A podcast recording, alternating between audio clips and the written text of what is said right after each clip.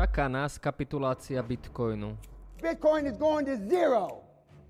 Hovoríte si teraz, že preháňam, alebo že sa to nemôže stať. V tomto videu som sa rozhodol, že pre vás odkryjem najnovší obsah z Palm Beach reportu, ktorý pravidelne do VIP skupiny dostávame. No a ten obsah ma zaujal natoľko, že som sa rozhodol, že informácie z tohto reportu prezdielam s vami do tohto videa a témou videa je kapitulácia Bitcoinu, ktorá je viac menej nevyhnutná. Thank you.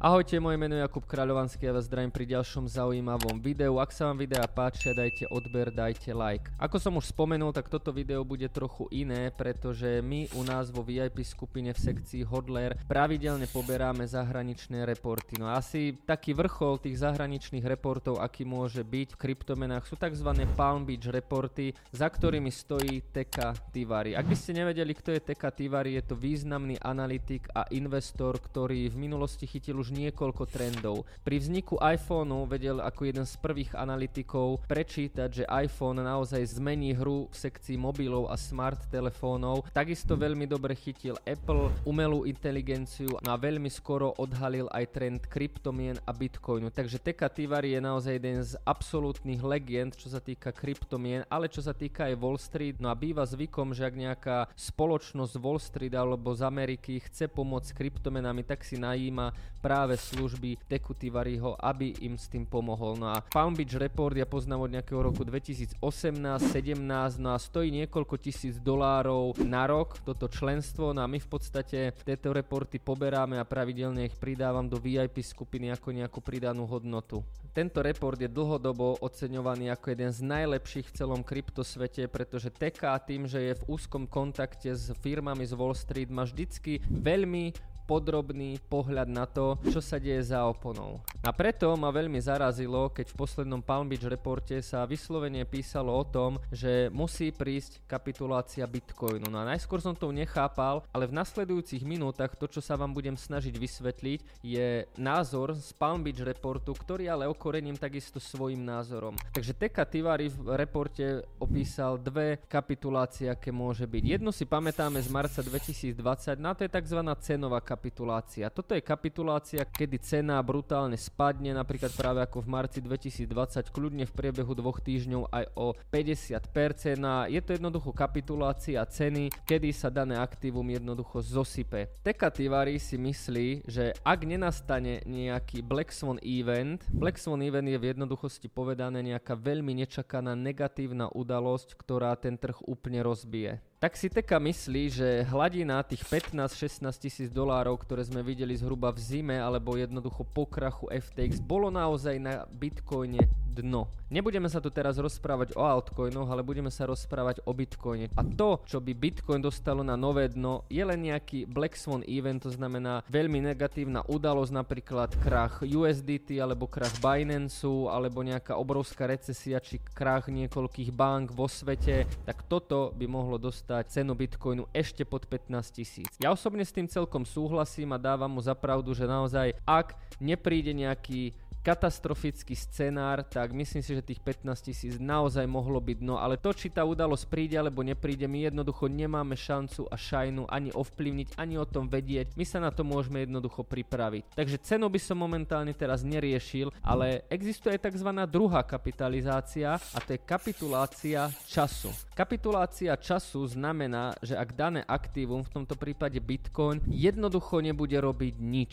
A sami dobre vieme, že najhoršie, čo pre pre investora môže byť, keď sa nič nedieje. Pretože keď sa rastie, všetci zarábajú, všetci sa tešia, keď to zase klesá, všetci dokupujú, všetci sú šťastní, že môžu dokupovať lacno, ale to najhoršie, čo môže byť, je keď sa nedieje nič. A to je podľa Teku niečo, čo tomto trhu ešte chýba. Časová kapitulácia, aby sa Bitcoin uzavrel v nejakej hladine, on to popisuje väčšinou, že môže to byť od 15 do 30 tisíc a v tejto hladine, aj keď je to rozpätie 100%, bol napríklad rok, rok a pol.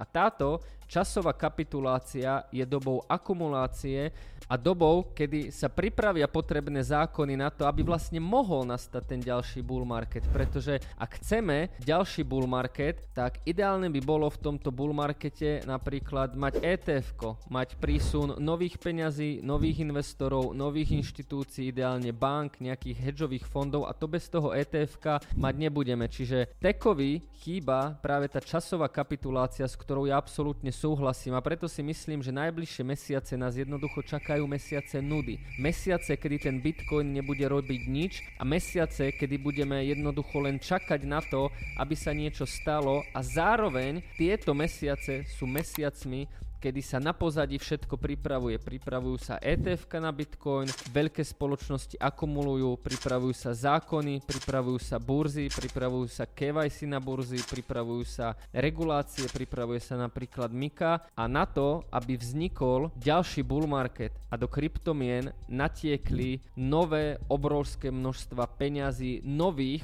ktoré v minulom bull markete v tom trhu neboli, pretože aby sme cenu dostali nad 70 tisíc, tak v tom trhu jednoducho potrebujeme potrebujeme nové peniaze, tak na to musia pribudnúť aj tie nové kohútiky s vodou. Už sa to nemôže liať len od bežných ľudí a pár vybraných firiem, musí sa to liať z celého sveta, ideálne aj z bank, z veľkých korporácií, z veľkých firiem a hedžových fondov a práve na to je potrebné to ETF. Takže keď si to naozaj uvedomíme, Bitcoin, aby naozaj začal nejakým spôsobom výraznejšie raz, potrebujeme teraz tú kapituláciu časovú a poďme sa pozrieť na graf.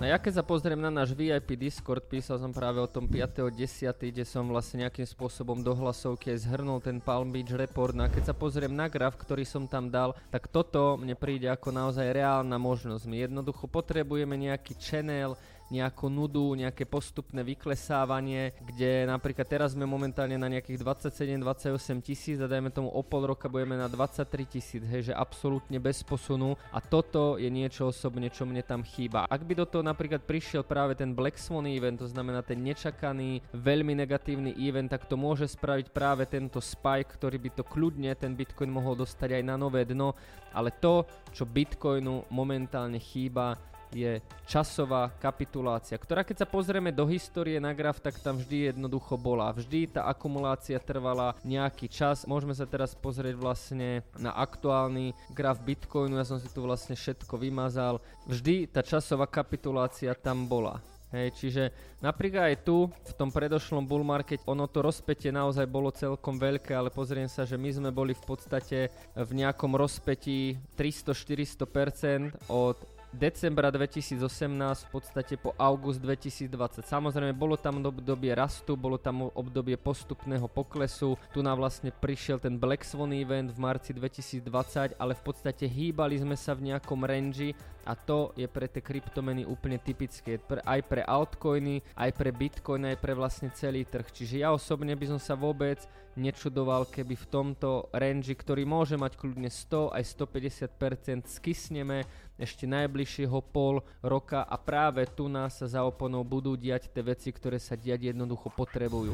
Takže ak si chcete prečítať celý kompletný report, pridajte sa ku nám do skupiny, okrem toho, že tam máte ten report, máte tam aj nejakú moju hlasovku ešte aj s ďalšími vecami, ktoré sú zaujímavé práve z toho reportu. No a čo si myslíte, bude mať Tekativary pravdu a naozaj nás čaká časová kapitulácia? Mne osobne to naozaj dáva zmysel z hľadiska toho, že tie inštitúcie, regulácie sa musia na ten bull market pripraviť a zatiaľ čo v minulom bull markete to nebolo, dajme tomu možno až tak daňovo podchytené, tak verte mi, že teraz z tohto bull marketu budú chcieť získať všetci.